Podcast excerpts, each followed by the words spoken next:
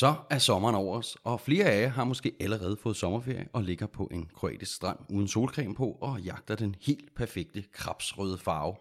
Men hvad bedre end at bruge sommeren på at lytte på podcast, og måske endda til Fomedic podcast. Det, du lytter til lige nu, det er første afsnit i vores sommerfølgetong. En følgetong på fire afsnit, der alle sammen handler om børn.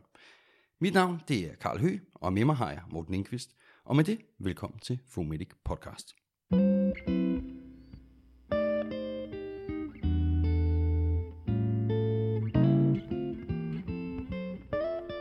har gennem det sidste år modtaget mange henvendelser fra jer om emner, vi kunne tage op, og flere af dem har vi allerede lavet, men den her, den har lavet vente en lille smule på sig. Derfor er vi super glade for, at vi i dag skal snakke om børn. Og mere præcist vurderingen af børn, og det følges så op af tre yderligere afsnit om specifikke tilstande, nemlig anafylaksi, meningitis og kramper. Det bliver til en serie om pædiatri, som vil komme hen over sommeren, og det er vi bare super glade for. Men inden vi starter, så laver vi en lille reklame, fordi I skal huske, at I kan støtte Fomedic med et lille bidrag via tier.dk. Det vil vi bare blive så glade for, for det er nemlig rimelig dyrt at lave god lyd til ørerne, så kan du lide, hvad du hører, så hop ind på fomedic.org, klik på linket, og så kan du bidrage med 5 eller 10 kroner per afsnit, eller hvor meget du nu engang har lyst til. På forhånd, mange tak. I dag har vi besøg i vores øh, podcast-episode af en god ven og en gammel bekendt for mange af jer, der lytter med.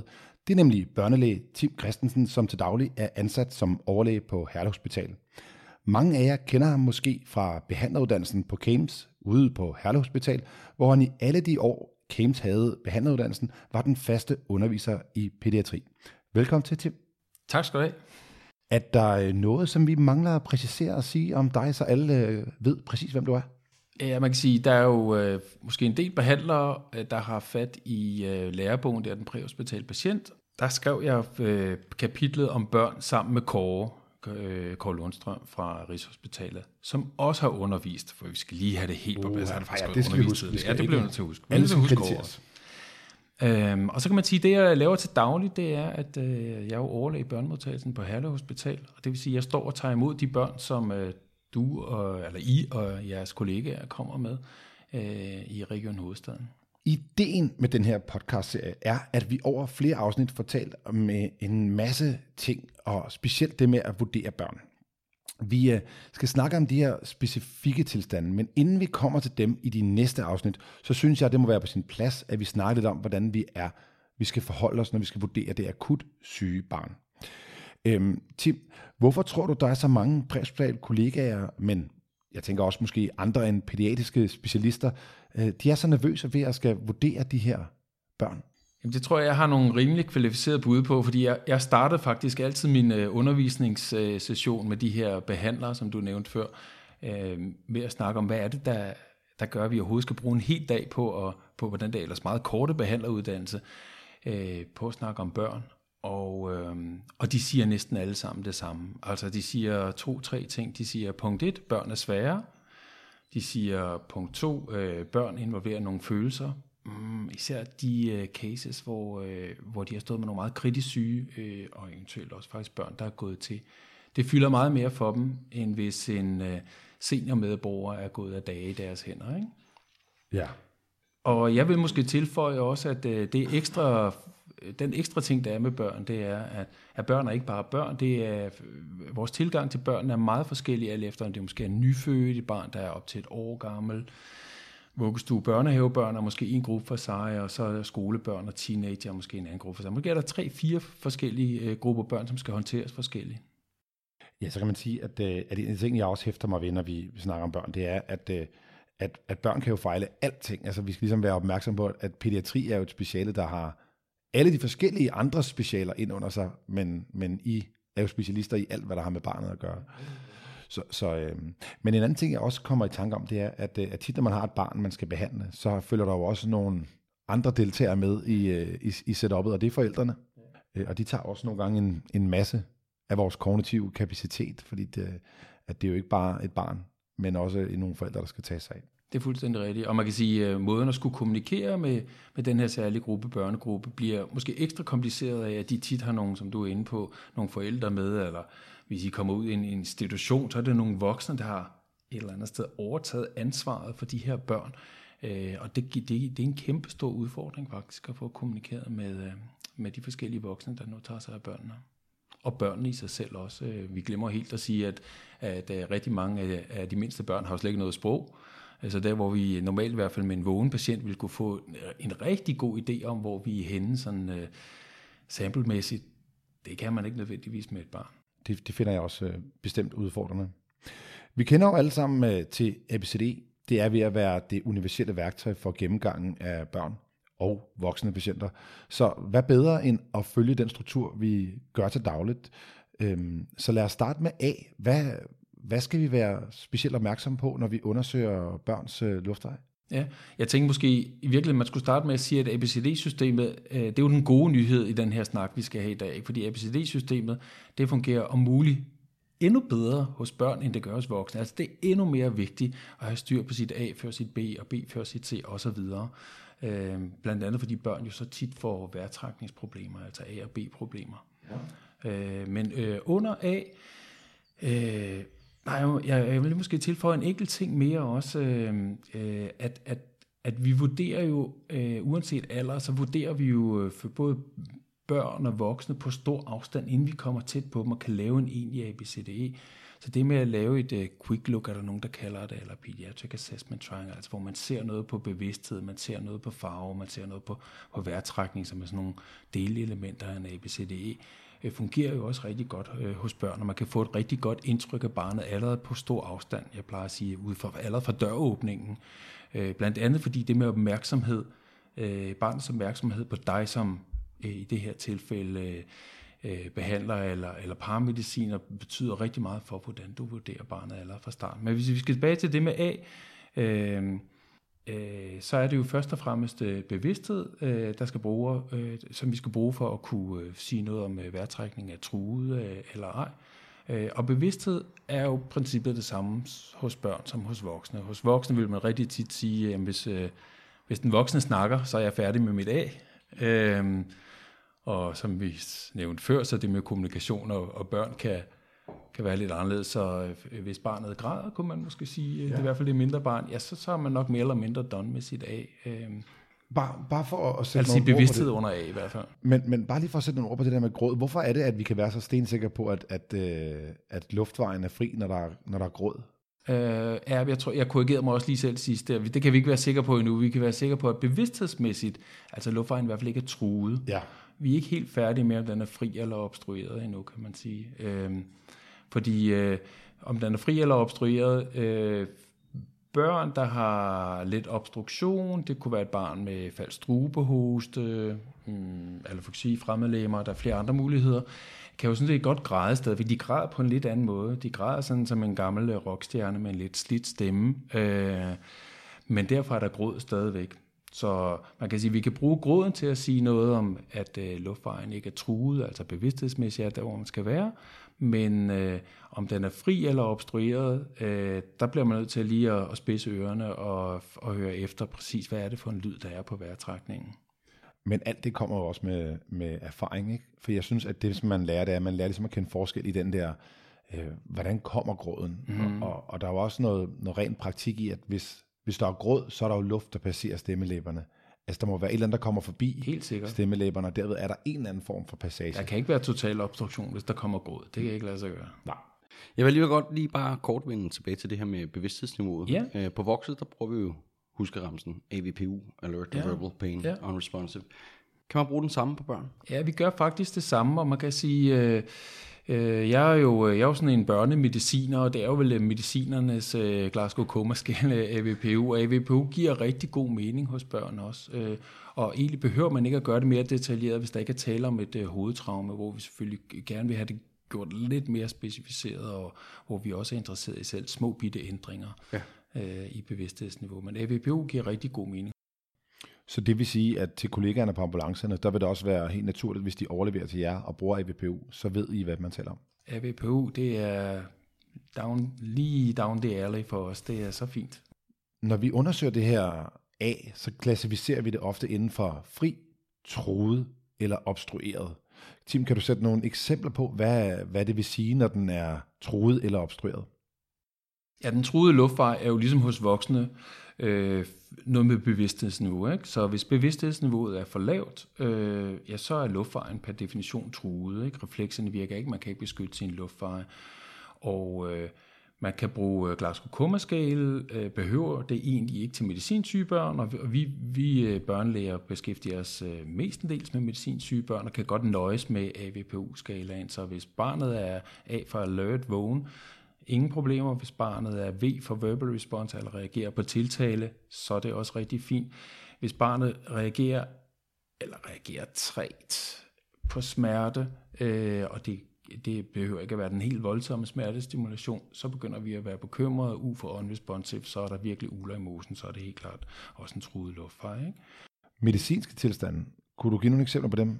Ja, altså, øh, jeg ved, at vi skal snakke om øh, anafylaksi, og man kan sige, at en af, en af snyderne med anafylaksi er jo bevidsthedspåvirket, egentlig både barn og voksen, øh, hvor man ikke tænker anafylaksi som det første. Øh, vi kunne også, jeg ved også, vi skal snakke om meningitis på et tidspunkt, ja. og, og meningitis igen, når man er nået meget langt hen i sin meningitis, så bliver der også en bevidsthedspåvirkning. Det starten, til en start er man måske lidt plumret og sløret, og, og senere bliver man mere alvorligt bevidsthedspåvirket. Og øh, så, havde, så skal vi også snakke kramper jo øh, på et tidspunkt, ved jeg, og øh, især de, det, man kalder generaliserede kramper, der er det obligatorisk, der er man også bevidsthedspåvirket samtidig. Øh, og øh, i alle de tre situationer, som jeg nævner her, øh, der er man jo sådan set en truet luftfart. Hvad med sådan noget som pseudogruppe og fremmedlemer? Der er vi vel også ude i en truet luftfart. Ja, jeg vil hellere kalde det en obstrueret luftfart, ikke? fordi øh, den måde, vi skiller mellem de to ting, det er jo, at obstruktion, det handler om, at der er et eller andet mekanisk galt i den øvre luftfart, enten i form af noget hævelse eller noget fremme. Der er noget, der, der, er noget, der stopper for røret. Ikke? Ja. Øhm, og øh, når vi snakker truet luftfart, så går det ene og alene på det med bevidsthedsniveau. Okay. Øhm, ja. Så når, når vi for eksempel ved en pseudogrop eller en anaflaksi begynder at have en hævelse, der kommer og kan risikere at obstruere mekanisk, så, så går du over i at, at sige, at så er du bekymret over, om det kan være en obstrueret luftvej? Jamen jeg tror faktisk, at... Øh, Altså, vi, vi vil nok vælge at sige, øh, øh, at, at, at obstruktion er ikke sådan noget on-off. Det er ikke noget med, enten er din luftvej fuldstændig lukket, og så er den obstrueret, eller også så er den åben, eller delvis åben, og så er den ikke obstrueret. Sådan, og sådan arbejder vi ikke med obstruktion. Vi arbejder med obstruktion, som at der er grader af obstruktion. Så allerede der, hvor der begynder at komme lidt, øh, og nu prøver jeg at mime lyden her, altså lidt inspiratorisk strider, mm. det er også en obstrueret luftvej. Den er selvfølgelig ikke totalt obstrueret, nej. siger sig nej. selv. Men det er også et udtryk for obstruktion. Så du har reelt set nærmest kun to kategorier. Altså der er den frie, og der er den obstrueret. Og så obstrueret altså i flere grader. Ja, det kan du sige. Ja. Det kan du sige. Øhm, men for at gøre de der huskeregler nemme, så plejer vi inden for pædiatrien, jeg kan faktisk ikke huske, hvad voksenlægerne gør, så plejer vi at sige, ligesom du har gjort nu, at under A er der tre punkter, under B er der fire, under C er der fem. Og det gør vi jo for, altså det er noget memoteknisk, ikke? Det er, ja. for, det er for at gøre det nemmere at huske øh, at komme hele vejen igennem. Men reelt set vurderer vi jo kun luftvejen på to punkter, nemlig om den er øh, truet, øh, truet eller sikker, øh, fri eller obstrueret. Ikke? Ja. Det vi reelt gør. Alright. Når man så skal vurdere vejrtrækningerne, altså under B, så hænger det naturligt sammen med, at man også har vurderet sit A, fordi uden luftvej ingen vejrtrækning. Øhm, er der så øh, nogle specifikke ting, vi skal være opmærksom på, når vi skal vurdere et barns værtrætning? Ja, jeg synes først og fremmest, at vi skal vende tilbage til noget af vores indledende snak med, det der med, at børn kommer i forskellige størrelser. Fordi hvis man misser den pointe, at børn kommer i forskellige størrelser, øh, så misser man også, hvor stor en øh, variation der er i vitalparametre. Altså små, øh, små børn, i, i, i, i der, børn, der er få måneder gamle, som ligger og trækker vejret 35-40 gange i minuttet. Det er ok. Øh, men hvis en 17-årig gør det, så er det ikke ok. Mm. Øh, så man skal have blik for, hvor, hvor, hvor stort barnet er. Det er rigtig vigtigt at have let adgang til en eller anden form for det, vi kalder kognitiv med hjælpemiddel. Jeg kunne nævne akut barn af dem for eksempel, og, det, øh, og der er også andre, øh, hvor man let kan få adgang til de her øh, vitalparametre, for de er ikke til at huske. Vi andre bruger dem sådan set også, øh, selvom vi går med, med syge børn hver eneste dag. Øh, det, det er måske den første vigtige ting at sige. Den anden vigtige ting at sige, det er, at øh, som børnelæger går vi helt vildt meget op i respirationsarbejde. Så udover det med respirationsfrekvens, så er der respirationsarbejde også det, vi kalder indtrækninger. Øh, hos øh, den voksne patient, øh, så er det det, man kender som øh, måske en kolpatient, der stiller sig op øh, af, af en reol med, med albuerne ud til siden og bruger alle de ekstra muskler, der overhovedet er. Det vi ser hos børnene, det er, at de får det, man kalder indtrækninger. Findes også hos voksne, jeg ved det godt, men det, det, det fylder nok lidt mere i børneverdenen. Og indtrækninger, det kan være alt fra øh, huden under ribbenene, der bare bevæger sig en lille bit smule i takt med vejrtrækningen, til at øh, ja, stort set hele brystvæggen står og blaffer, for noget til det mest ekstreme. Og der er selvfølgelig grader ind imellem, og der er igen aldersforskelle også, hvor de helt små børn, de kan få øh, det, der hedder spiller eller nase eller nasal flaring på engelsk, hvor næsefløjene de står og vibrerer i takt med vejrtrækningen. Det er fordi, der er rigtig stor modstand derude i spidsen af næsen, Øh, det er et rigtig fint tegn at bruge, fordi det er noget, man kan se allerede inden man får tøjet af barnet. Øh, Jeg tror, vi skal snakke om senere også, hvor, hvor udfordrende det kan være, at man skal stå og hive tøjet af barnet for at få lavet en komplet undersøgelse. Men her har man faktisk et tegn, der er meget let at gå til, allerede inden man øh, har fået tøjet af barnet.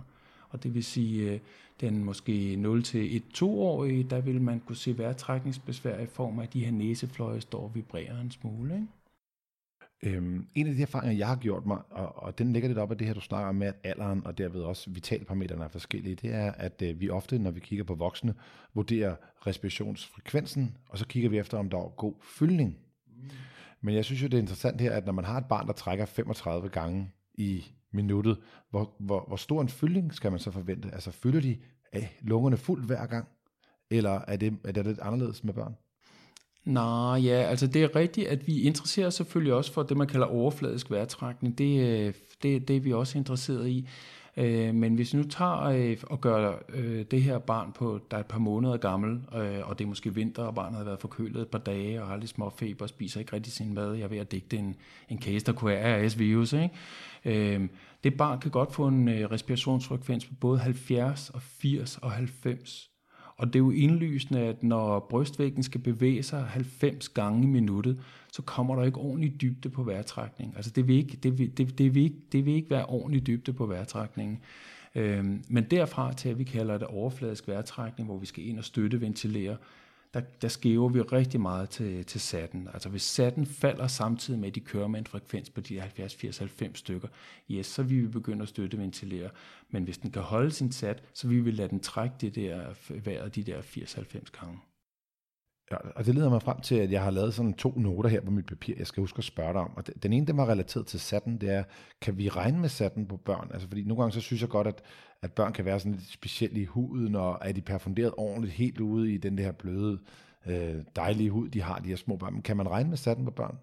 Øhm, jeg er helt enig med dig i. Det er altså en svær en. Øhm, og jeg vil sige, når vi står med de kritisk syge børn på vores akutstue, så sker det, især dem, der er respiratorisk syge, også dem, der har A og B issues, det sker rigtig tit, at vi ikke kan få en troværdig sat på vores øh, standard monitoreringsudstyr, og vi må ned og hente noget backup-udstyr, som måler på en anden måde. Nu skal jeg ikke nævne øh, navne på producenter her, men vi må simpelthen ned og hente en satmåler øh, fra et andet firma, som, øh, som bruger et andet måleprincip, og så øh, kører vi med to satmålere samtidig, Øh, og så kan vi så bestemme os for, hvorfor en vi, øh, vi, skal, vi skal stole mest på. Men jeg synes generelt, det er vigtigt lige at sige, at især de mindre børn, måske op til øh, 6-12 måneder, at der måler man per konvention altid på højre hånd. Og grunden til, at man måler på højre hånd, det, det er jo fordi, at, øh, at der kan være nogle medfødte hjertemisdannelser, der kan være en åbenstående duktus, der gør, at, at man kan få fejlmålinger, eller falsk for lave målinger, hvis man okay. måler på benene eller venstre arm. Ikke? Så standardmæssigt skal der måles på højre arm på blæbørn, for at nu gøre det meget simpelt. Men det er en god note, det her med, at, at, at vi, kan ikke, vi kan ikke regne med, at alting er, er helt validt, ligesom vi ikke kan med nogle patienter generelt, men, men det er bare væsentligt, at vi får sammenholdt teknik og alle de andre vitalparametre, og ikke stiger os blind på en enkelt Det er helt rigtigt. Og jeg synes faktisk, at i forlængelse af det, du siger, så øhm, øh, vil jeg måske understrege, at, at det nytter ikke noget at kigge på en enkelt parameter, når man skulle vurdere vejrtrækningen hos børn. Jeg plejer sådan lidt at sige, at det her det er altså lommefilosofi, jeg kommer med nu, men hvis vi, vurdere, hvis vi skal vurdere vejrtrækning hos børn, så skal vi lave en slags ligning, der hedder noget med vejrtrækningsfrekvens, eller respirationsfrekvens gange arbejde er lige med en sat. Ikke? Vi bliver nødt til at se på, hvor meget arbejder det her barn egentlig for at opnå den der saturation, Fordi vi kan godt måske være glade og tilfredse med en saturation i begyndelsen af 90'erne. I skal selvfølgelig stadigvæk give noget ilt, øh, men øh, lad os sige, det er en femårig, med noget, med, der har været højfabril gennem en dag eller to, og, og så har øh, hoster og har stødende vejrtrækning, og rigtig ligner en, en, et barn med lungebetændelse. Øh, og det barn er nok meget mindre syg end en to måneder gammel, som har været snottet gennem en to-tre dage og spist rigtig dårligt, hostet masser af skummende, øh, klart snot op, og så ligger med en saturation på måske 5-96, men trækker vejret 80 gange og har masser af indtrækninger. Ja. Så prøv at kigge på hele billedet, øh, i stedet for bare at fokusere på en sat, der måske er ok, eller en respirationsfrekvens, der måske er ok. Kan man sige omkring, vi har jo kurve på vores, øh, vores, vores defibrillator, øh, en saturationskurve, kan man, kan man sige noget omkring, hvis, hvis kurven ser regelmæssig og, og normal ud, at, så kan man også være sådan rimelig sikker på, at satten så også er valid. Og ja, jeg kan ikke huske, om der er, er der en amplitude på øh, R, og det er meget den, der skal drive, om, om man kan stole på satten eller ej. Så der, man kan sige, øh, hvis, hvis den laver en fin amplitude, og det er jo sådan en, man ser hos en voksen, ja. velperfunderet, ikke? Buf, buf, buf, den står og slår fuldstændig tak ud pulsen. Ja øh, så er satten øh, i udgangspunktet virkelig troværdig, ikke også? Øh, og hos rigtig mange børn, som du er inde på, morgen, der er, der er, der, så, så flagrer satten op og ned, og man tænker, uh, er det den laveste, jeg skal kigge efter? Ups, nu var den 92 igen. Nej, nu er den 78. Hvad er nu det her for noget? Det, er jo, det vil være helt usædvanligt, at det er en troværdig øh, uh, satmåling. Men øh, hvis den kan lave en ordentlig amplitude, og den ligger forholdsvis stabilt, øh, så er den troværdig. Alright. Det sidste punkt, jeg har skrevet her i vores øh, B-vurdering, det er, at vi er blevet, øh, blevet glade og blevet bedre til at prøve at bruge et stetoskop. Ikke fordi, at det kan afgøre alt, men det kan være en, et element i en af de ligninger, som, som vi, vi laver for vores vurdering. Øh, hvordan er det med at lytte på børn? Er det, er det noget, vi kan bruge til noget? Så godt man kan bruge det til noget, øh, men det er ikke helt let, fordi rigtig mange af de lyde, du er vant til fra en voksen, vil gå ud fra, at du også går og lytter på de voksne indimellem, ikke også? Øh, og de, øh, man kalder det jo øh, bilyde, når det er på lungerne, mislyde, når det er hjertet, så de der bilyde, du kender fra de voksne, kan du ikke rigtig oversætte. Det bibliotek, du måske danner dig i hovedet, kan du ikke rigtig oversætte til børnene. For det første lyder deres normale vejrtrækning anderledes. Ja. Og øh, punkt to, øh, de lyde, der vil være for eksempel ved en lungebetændelse, øh, vil være anderledes også. Øh, der, hvor det giver måske god mening, det er, hvis du har et barn med bronkospasma, altså astmatisk bronkitis hos småbørnene, eller astma hos de større børn. Det lyder heldigvis rigtig meget, ligesom når du lytter til en astma hos en yngre voksen. Ikke? Okay. Og der er så en, en note til os selv, at vi, at vi må lige være ops på, og, og måske også få lyttet på nogle flere børn, for det må være mængden af indtryk, vi igennem tiden får os, der kan være med til at øge vores katalog. Jeg er helt enig. Hvis, hvis øh, lungestetoskopi hos børn skal give nogen mening for jer, så er det ligesom hos, øh, øh, hos os i børnemodtagelsen, når vi har øh, øh, unge medicinstuderende, der kommer ind, der aldrig har lyttet rigtigt på et barn før. Vi, vi, vi bliver nødt til at sætte dem til at lytte rigtig grundigt på hver eneste barn, hvis de skal overhovedet skal have en kinamands chance for at kunne høre, når det ikke lyder, som det skal. Og så er der noget teknisk omkring stetoskopet, altså alle børnelæger render rundt med et stetoskop, der ser ud som om det er krympet i vask, og det er der selvfølgelig en god grund til, og jo, det, de neonatologen, der passer, de nyfødte har et, der er endnu mindre, ikke, som er blevet kovasket. Øh, og det er der selvfølgelig en god grund til, det er fordi membranen, øh, nogle stetoskoper har to sider, andre har øh, i hvert fald en side med en membran, og den membran, den skal slutte helt tæt til brystvæggen, hvis man overhovedet skal lytte, hvad der foregår inde øh, i lungerne, og ikke bare skal have, hvad der foregår ude i omgivelserne. Ja, okay. Og øh, hvis du lytter på forsiden af et barn, så er det meget sjældent, du kan få et voksen, altså et mindre et, et barn 0-1 år, så er det, altså, så er det indimellem, så du ikke kan få den membran til at slutte tæt.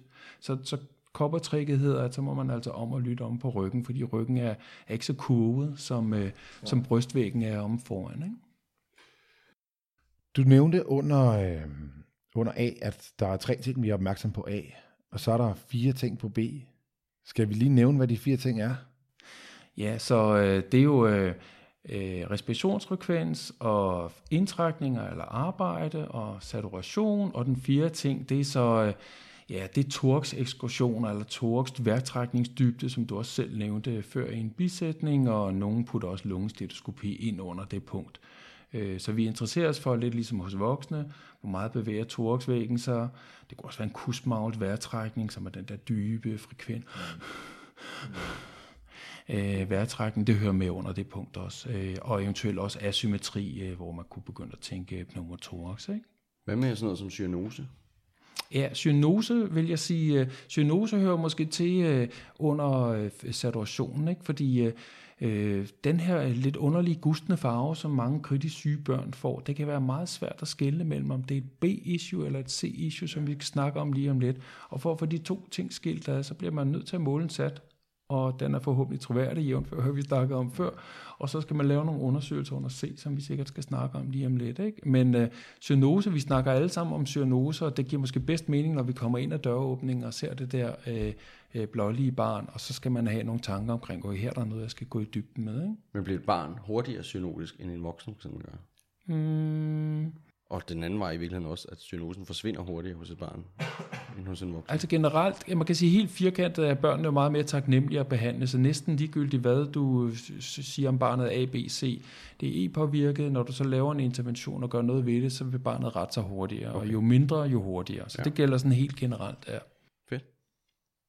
Men det leder os jo bare videre til det næste bogstav i algoritmen, som er C, altså vores kredsløb. Kredsløbet øh, på de små er en øh, lille smule anderledes, fordi hjertet løber jo en snas hurtigere, i hvert fald i de mindre år, og så har de også lidt lavere blodtryk. Hvordan er din tilgang til at undersøge øh, C, altså kredsløbet på børn? Jamen altså se for kredsløb, øh, jeg plejer at sige, at øh, hjerteaktionen spurter, og blodtrykket snyder, og kapillærrespons styrer, ikke? fordi øh, det er de tre vigtigste. Der er fem pinde i alt, og jeg tror, vi skal nok komme dem igennem alle sammen, men den hjerteaktion løber rigtig hurtigt, og man kan sige, øh, hvor en hjerteaktion betyder rigtig meget hos en voksen, øh, hvis man kommer ind og har feber og, ja, og takikard og lidt trykket blodtryk, øh, ja, så er man allerede godt på vej til en sepsisdiagnose. Så nemt er det så ikke hos børn, blandt andet fordi, at det der hjerte, det løber jo rigtig hurtigt af alle mulige andre grunde, så det urolige barn, der ikke er helt glad og tilfreds med at skulle ud og køre i en stor gul bil, øh, eller øh, oplever, at forældrene er helt vildt urolige, eller bare har feber. Øh, hjerteaktionen stiger 11 per grad temperatur. Uh. Um, måske værd at huske på. Øh, så hjerteaktionen isoleret set har nok begrænset værdi, især når den løber for hurtigt. Der er meget, meget, meget få børn, der bliver bradykarde. Øh, Jeg ser måske et om året, altså vi snakker virkelig, virkelig sjældent. Øh, Det er altid et super alarmerende tegn. Altid. Øh, Så er der det med, hvordan vi, øh, øh, man kan sige, hvordan vi, øh, hvordan vi vurderer de tre øh, punkter, og øh, ja, vi bliver nødt til at starte med det vigtigste og mest børnespecielle først. Det er det her kapillærrespons. Ja. Øh, kapillærrespons øh, hos børn er en nøgleparameter til at forstå, om barnet er kredsløbspåvirket eller ej. Okay. Og øh, kapillærspons skal måles som et centralt kapillærspons, det vil sige enten på sternum, altså på brystbenet, eller i panden. Vi gør det rutinemæssigt altid på brystbenet, fordi ligesom hos jer, øh, så er børnene jo ude i kulden, eller kan være ude i kulden, og, og panden kan være kold, og så bliver kapillærresponset falsk forlænget. Så lad os bare tage udgangspunkt i det med brystbenet. Man trykker ind 5 sekunder, fjerner fingeren, tæller 0, 1, 2 eller i kasser altså øl, hvad der nu skal til, for at man tæller i, i sekunder. Og et øh, kapillærrespons øh, op til 2 sekunder er helt normalt, 2 til 3 er sådan en gråzone, og 3 og derover det er sikkert forlænget. Øh, det er jo en reaktion fra kroppen på, at der er et eller andet cirkulatorisk galt, så øh, når kapillærresponset er forlænget, så bliver det næsten altid fuldt af en hurtig hjerteaktion også. Okay. Så det var, øh, at, at det er svært at regne med en hurtig hjerterytme. Vi skal huske at bruge en god kapillærspons. Hvad med blodtrykket på de små? Jamen, det er helt bevidst, at blodtrykket først kommer nu, fordi øh, ja, blodtrykket har ret begrænset værdi hos børn. Øhm, blodtrykket øh, reagerer som noget af det aller sidste, når barnet bliver cirkulatorisk påvirket, og øh, det er også teknisk svært at måle. Lad os tage det første først. Øh, vi kan have meget kritisk syge børn. De kan være syge sepsis, de kan have forhøjet interkranielt tryk. Tilstanden, som normalt hos, øh, hos yngre og ældre voksne giver blodtrykspåvirkning. Øh, det behøver det ikke at gøre hos børn, eller det gør det meget sent hos børn. Så er det med selve det tekniske omkring at måle blodtrykket. Hvis man skal have en valid blodtryksmåling hos et barn, ja, så, skal, så skal ambulancen altså være udstyret med blodtryksmanchetter i måske 5 til størrelser, størrelser. ellers kan man ikke lave en ordentlig blodtryksmåling. Så skal der helst have meget ro på. Det er også super svært at opnå i en, øh, i en gul bil, og den skrumpler afsted, og det bliver, det bliver meget svært. Men altså den vigtigste grund til, at, øh, at blodtrykket har begrænset værdi i vurderingen af de kritisk syge børn, det er, at børnene kompenserer fantastisk godt, og øh, blodtrykket det viger først meget sent. Så kan jeg altså en teknisk øh, melde ind, at øh, når vi tænder vores øh, måleinstrument, som jo er en sådan samlet maskine, en defibrillator med, med alle vitalparametre i den, i den samme kasse, så starter den som udgangspunkt ud og regne med, at du er en voksen. Det vil sige, at den vil pumpe op til starttrykket på, hvad man forventer en voksen er. Det vil være 140 eller 160 til at starte med, og så vil den lukke luft ud derfra. Hvis man så glemmer at indstille det, når man har sat manchetten til børn på, så vil de få et, altså et, et relativt stort klem rundt om deres overarm, hvilket vil gøre dem ekstremt utrygge. Og så synes jeg i hvert fald, min oplevelse er, at det kan være svært at regne med det første blodtryk efter det, fordi at, at, at den tillid, de så har til maskinen, som så klemmer og giver ret store smerter, den er, den er ikke særlig stor. Så det er i hvert fald værd at huske, at man skal huske at justere starttrykket ned, når man, øh, man måler blodtrykket, for det kan lige justeres ned, så den starter med et, et makstryk på 90, når den pumper op. Øh, øh, for ellers så kan man i hvert fald have ødelagt sin, øh, sin, sin succesrate med det samme. Måske kan man blive hjulpet af at have en idé om, hvor det normale blodtryk så skal ligge hos et barn. Det normale systol, vi interesserer os mest for systolisk blodtryk. Så øh, det systoliske, normale systoliske blodtryk ligger på 90 plus alder gang 2. Husk, at gangtegnet er stærkest, ikke? så hvis vi tager en en 3-årig, 3 øh, gange 2, det er 6, plus 90, det er 96, vil være et normalt systoliske øh, blodtryk hos en 3-årig. Og et kritisk lavt blodtryk, øh, der sætter man grænsen til 70 plus alder gange 2, så igen den 3-årige, 3 gange 2, 6, 76 er grænsen for kritisk lavt blodtryk hos et barn. God øh, huskeramse at have med, men altid referere til, til, de, til de kognitive hjælpemidler, hvis man er presset i situationen, så gå ind, øh, i hvert fald ind og kig.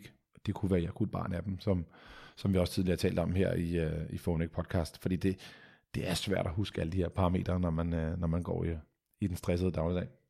Tim, jeg vil lige spørge angående EKG-elektroder, fordi at, altså, det er tit sådan en lidt en skrøne med de her øh, børn. Skal vi have skal vi have målt et EKG på dem? Altså hvis deres hjerte løber regelmæssigt ud af øh, 110-120 gange i minuttet på et, på et mindre barn, der måske er lidt febril. Er, er, det noget, I gør rutinemæssigt med det samme, for nogle elektroder på og monitorere hjerterytmen? Altså der tror jeg, man skal skille mellem de børn, vi kommer på, øh, vi tager på akutstuen, som vi ser er kritisk syge, og som skal have den helt store tur med det store team.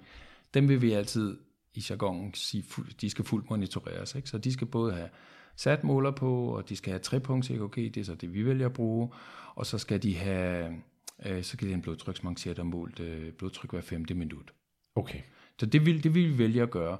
Jeg forestiller mig, når I sætter jeres 12-punkts øh, EKG øh, på, øh, så gør I det også meget af diagnostiske grunde. I på jagt efter, øh, hvor godt har det der myokardie. Der. Og man må bare sige, at øh, myokardieinfarkt, eller AKS hos børn, der er vi altså virkelig ude i sjældenhederne. Vi er så meget ude i sjældenhederne, så mm, jeg er ikke sikker på, at det giver super meget mening hos andre end måske hvad ved jeg, synkopepatienter, så uerklarede synkoper og, og sådan en eller kendt hjertesygdom. Men et almindeligt firepunkt, som vi vil, vi vil gøre hos os, vil man godt kunne sætte på? Øh, jeg, sy, jeg, jeg, jeg øh, hører fra, fra, fra de af mine kollegaer, altså lægekollegaer, som har med transport at gøre, at de vælger altid at gøre det rutinemæssigt. Og det er jo fordi, at du, du, kan få en, du kan få meget information om barnet, når først du har, øh, når du kigger på en trend for pulsen. Ja, måske en udvikling i hele ja, situationen. det er nemlig ja. udvikling hen over tid. Har du ikke styr på, om dit barn har smerter, mm, du ser en, en, en stigende hjerteaktion. Ikke? Har du ikke styr på, om øh, barnet er øh, urolig af den ene eller anden grund, det ser du også. Øh, og det hører med til billedet, øh, det hører med til det samlede billede, vi snakkede før om kapillærrespons også. Ja, kapillærrespons uden hjerteaktion, mm, det giver heller ikke så meget mening. Du bliver nødt til at sammenholde det. Så jeg vil sige, at, øh, at øh, en øh, 3-punkts eller 4-punkts øh, EKG, det giver da meget god mening til at have styr på barnet undervejs. Og så vender jeg tilbage til, der var tre ting under A, fire ting under B, og så sagde du, der var fem ting under C. Hvad, hvad skal vi, kan vi huske, kan vi huske alle fem? Ja, altså amerikanerne har, har lavet, de, de, de er jo rigtig gode til at huske regler, og ABC det her vil oprindeligt også deres, forestiller mig. Øh, så det vi har nævnt indtil nu, øh, nej, undskyld, jeg lige sige, at det, den, den huskeregel, den hedder de 5 P'er. Så det vi har nævnt indtil nu, det er P for puls, og P for pressure, og P for perfusion, altså hudgennemblødning, kapillærresponset. Og så kommer vi til de to lidt mere langhårede, det er sådan øh, uh, puls volume, eller pulskvalitet på dansk, har meget begrænset værdi hos mindre børn, altså pulskvalitet er jo der, hvor man øh, palperer en central puls, f.eks. karotisk puls, og sammenligner med en perifer puls, f.eks. radialis puls. Øh, hvad vi slet ikke har nævnt, det er, at, at hos øh, mindre børn, måske 0-1-årige, at der skal man være heldig for at kunne komme til at mærke puls bare et sted, det præterer brachialis, altså indersiden af overarmen, og dermed er der ikke så meget at sammenligne med, så det giver ikke nogen mening at snakke om pulskvalitet hos øh, de helt små børn. Øh, det femte punkt er øh, preload, øh, P for preload, og preload er Ja, når jeg har medicinstuderende, så plejer jeg at sige, at det er til 12-tals øh, studerende, så ved, kan I selv regne ud, hvor niveauet er her, ikke også? Men øh, børn med en ikke erkendt hjertemisdannelse, vi snakker børn, der er få dage til få uger gammel, øh, de kan godt liste under radaren og, øh, og faktisk øh, smutte ud fra fødestedet, uden at den er fundet den her øh, øh hjertesygdom. Meget sjældent, fordi scanningerne øh, er helt vildt, hjerteskanningerne er helt vildt gode nu om stunder, inden børnene bliver født, øh, men alligevel. Og de øh, får et preload-problem, altså et højresidigt hjertesvigt og får leverstase. Så det er en huskregel til os som børnelærer, når vi står med et barn, der er totalt crashet, de er meget, meget syge, de her børn. Så skal vi mærke efter, om der er leverforstørrelse.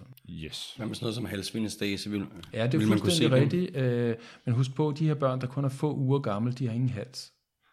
Altså, jo jo, men ja. hovedet sidder direkte altså, på halsen, kunne se og man vil ikke kunne børn. se den der leverstase. Du har fuldstændig ret, men det, det højeste hjertesvigt giver jo øh, både leverstase og halsvindestase, ikke? Øh, du, du er fuldstændig ret, men man, man kan ikke se med det blotte øje, den der halsvindestase, fordi, øh, fordi ja, halsen, som sagt, ikke rigtig er der. Men hvor langt skal vi op aldersmæssigt, før vi begynder at kunne se det?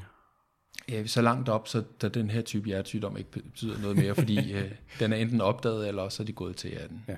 Det næste øh, bogstav bliver helt naturligt D i vores ABCD-algoritme. Jeg synes godt, det kan være lidt svært øh, en gang imellem med de her børn, fordi der er jo der er stor forskel på, øh, på, på alderen og hvilke sygdomme vi, vi taler om, men når vi skal udføre de her neurologiske undersøgelser, eller i hvert fald en eller anden form for, for vurdering af deres neurologiske status, øh, så synes jeg, det er svært, fordi det, det er svært ligesom, at du kan ikke rigtig koordinere med små og mindre børn. Øh, hvordan gør, gør du, når du skal undersøge det på børn? Ah, Jamen, jeg kan godt forstå, øh, at du synes, det er noget svært. Det er det faktisk øh, for os alle sammen. Øh, fordi rigtig meget neurologisk undersøgelse kræver noget samarbejde med patienten. Øh, man kan sige, den letteste neurologiske undersøgelse, det er vel øh, på dem, som er u for unresponsive, ikke? Øh, og der, bliver, der er det også let hos børnene. Øh, men lige så snart øh, vi, vi skal lave noget lidt mere avanceret neurologisk undersøgelse, så, så kan det begynde at blive svært. Øh, man kan sige, øh, hvis vi skal skære det sådan lidt enkelt, øh, så øh, er der måske øh, tre pinde her, som er vigtige. Man skal interessere sig for, øh, altså ud over bevidsthedsniveauet, ikke, så skal man interessere sig for noget med øjenforhold og noget med tonus. Ja. Øhm, og, og pind nummer tre, det er igen sådan huskregelmæssigt, DEFG står også for Don't Ever Forget Glucose. Og hvis jeg skal starte med den sidste først, så den med sukkeret, så er den ekstra vigtig for børnene. Børnene har nogle meget, meget små sukkerdepoter, øh, så alle mulige kritiske tilstande, der udløser stresshormoner, gør jo, at man tømmer sin sukkerdepoter i løbet af no time, og børnene er super gode til at lave et højt, højt stressblodsukker, 10, 15, 20 sågar kan det blive. Øh, ikke at forveksle med diabetes. Øh, diabetes de byer, de har altid tårnhøjt blodtryk, øh, blodsukker, 25-30 og endnu højere. Øhm, øh, så øh, når man står med et barn, der er bevidsthedspåvirket eller kramper, øh, og man har glemt sit blodsukker, så er man gået i den grad i vandet, for det kan være lavt, som er meget lavt, og blive det rigtig hurtigt.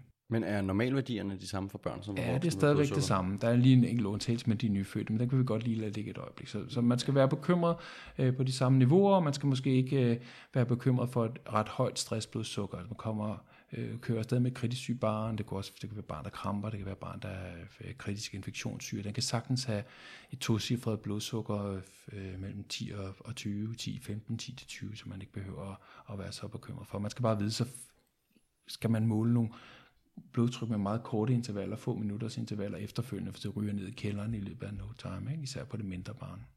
Tænk på, hvor tit de spiser de små børn der. Ikke? Ja. Så nævnte du tonus ja. og øjenstatus. Øh, skal vi starte med tonus? Ja, kom lad os tage tonus. Øh, den nemmeste måde at vurdere tonus på, ja, det er selvfølgelig bare, som man også øh, tit jo bare gør, løfter op i den der arm og slasker den ned i underlaget, så er tonus nok slap, og gør den ikke, så er der nok en normal tonus. Det kan være, at du skal lige prøve at forklare, hvad tonus betyder. Ja, tonus betyder egentlig muskelspænding, så det er sådan den baggrundsspænding, der er i musklerne. Her snakker vi ikke om øh, øh, tonus nede i, øh, nede i lokale fitnesscenter og sådan noget. Det er slet ikke det, det handler om. Det handler sådan set om den baggrundsspænding, der er i muskulaturen. Og den giver os et hint om, øh, dybest set om hjernens tilstand. Øh, så øh, og tonus kan sådan helt grundlæggende være øh, på tre niveauer. Enten kan man være hypoton, altså man er slatten, man kan være normoton, og så har man den normale tonus, eller også så kan man være hyperton, øh, så er der for meget tonus. Og, det er mere øh, stiv. Ja, så er, man, så er man nemlig præcis, så er man mere stiv. Øhm, og hvis man tænker på nogle øh, øh, tilstande, som, øh, som man kender, så dybt bevidstløse patienter, de de slapper slatten, ikke også? De har ingen tonus. Man løfter op i deres arm, den er slatten som en klud og slasker ned i underlaget. Hmm.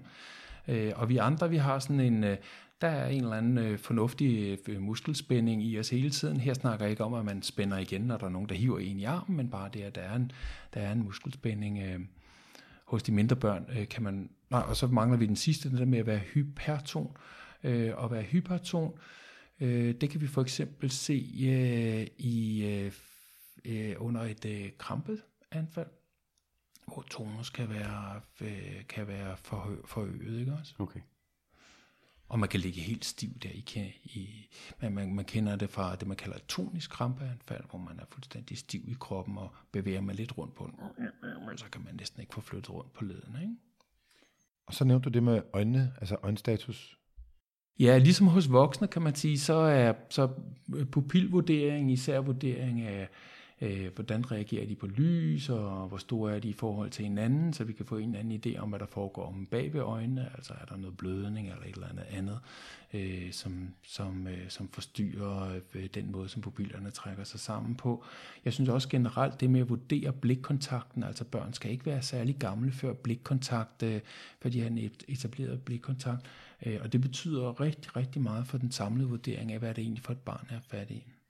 Så, så lige præcis med øjnene, der er der ikke så stor forskel der er ikke den store forskel. på voksne og børn. Nej, jeg er helt enig. Okay, så lad os springe til det sidste bogstav, og det er jo E. I de øh, kommende podcast skal vi tale om tre tilstande, som alle sammen involverer en eller anden del af vores E, altså det vi også kender som top til to, hvor det er relevant at få tøjet af og se på både hud og thoraxbevægelse. Men hvad skal vi så være opmærksom på under den her e-vurdering? Og er der specifikke ting, som, som du mener, vi skal kigge efter? Fordi jeg er egentlig interesseret i også, hvordan du gør. Fordi for mig kan det godt virke nogle gange ligesom lidt en voldsom ting, og også måske ikke, at det er et overgreb, men det kan virke sådan lidt voldsomt, at man kommer hjem i et hjem og tager barnet fra forældrene og lægger det på en flade og skal afklæde barnet. Så, så er der nogle ting, hvordan øh, du kan anbefale eller give råd til, hvordan man gør det og hvad man kigger efter? Ja, det er i hvert fald øh, rigtig... Øh, ja, vi har det ligesom jer. Det, er, det der med at skulle klæde et barn af, det kan også være grænseoverskridende øh, for os selv, men det er det i høj grad også for børn, og det er nærmest uanset alder. Der er ikke ret mange børn, der bryder sig om at smide tøjet. Og Øh, Øh, man kan sige, øh, det er rigtig godt, at E ligger til sidst her i ABCD-systemet, fordi så har vi gjort nogle ting inden. Øh, så vejen til at lave en god E-undersøgelse, og det hele taget en god undersøgelse af et barn, den går jo igennem at få en eller anden form for tillidsforhold etableret, og jeg er klar over, at I er under et ekstremt tidspres, måske sammenlignet med os, i en børnemodtagelse, men, men, men vejen til barnet går jo gennem forældrene, så man skal etablere en rigtig god kontakt til forældrene. Man kan også lade forældrene klæde barnet af, i stedet for at man selv gør det punkt nummer et. Man behøver jo ikke at stribe barnet totalt, altså fra top til to. De fleste af os kan godt rumme og se i halvdelen af kroppen ad gangen, så man får måske klædt underdelen af først, når får de der pyjamasbukser, eller hvad barnet nu har på. Og så ser man de der ben igennem først, og så får barnet sine pyjamasbukser på igen, og så tager man overdelen af, og så ser man overdelen, og så til sidst skal man måske skæve ned i blæområdet, hvis det giver også mening på et blæbarn, ikke også? Så man gør det i flere omgange. Det tror jeg vil være, være sådan det, det første og det bedste tip til at overhovedet komme til at se på det der hud. Og huden er mega vigtig at få kigget på. Der ligger rigtig meget information, øh, når, man, når man får undersøgt huden igennem det, der måske springer mest i øjnene, og som folk tænker mest på, det er betekler. Det er jo sådan et, et helt tema for sig, som vi måske kan, øh, kan vende ved en, ved en anden lejlighed. Der er øh, inden for allergi, øh, som vi har snakket om tidligere, er der både flushing, og, altså det, man bliver helt ildrøde, men der er også urtikaria, altså øh, næller. Øh, og så er der blå mærker og øh, Øh, tegn på, at barnet enten selv øh, er styrtet ind i et eller andet, har slået hovedet ind i noget, men i sidste ende desværre også noget påført skade, som man øh, meget nemt kan få et overblik over ved at få, få, øh, få barnet afklædt. Og, og selvom det lyder barsk og, og også er en, en rigtig, rigtig ubehagelig situation, så er det jo en, en del af vores ansvar, at når vi ser børn og, og, og kunne få øh, indsigt i, at der kunne være skader, som ikke var påført ved falder og uheld, at vi skal løfte vores opmærksomhed en lille smule. Jeg er helt enig. A, B, C, D, E. Jeg tror, vi er nået hele vejen igennem. Ja, det var sådan set gennemgang af, af vurderingen af det akut syge barn. Og vi håber, at I har fået genopfrisket og lært en masse nyt. Det har vi i hvert fald. Vi håber også, at I har nyt Tims blide røst, fordi i de kommende uger, så vil vi jo komme med yderligere tre afsnit, som vil omhandle de specifikke tilstande, vi snakker om tidligere, anafylaksi, kramper og meningitis. Vi glæder os utrolig meget til at komme ud til dig igen, Tim, og få optaget de tre næste afsnit. Så uh, tusind tak for nu. Det var en fornøjelse. Ja, mit navn det er Karl Høgh. Jeg hedder Morten Lindqvist. Vi høres ved.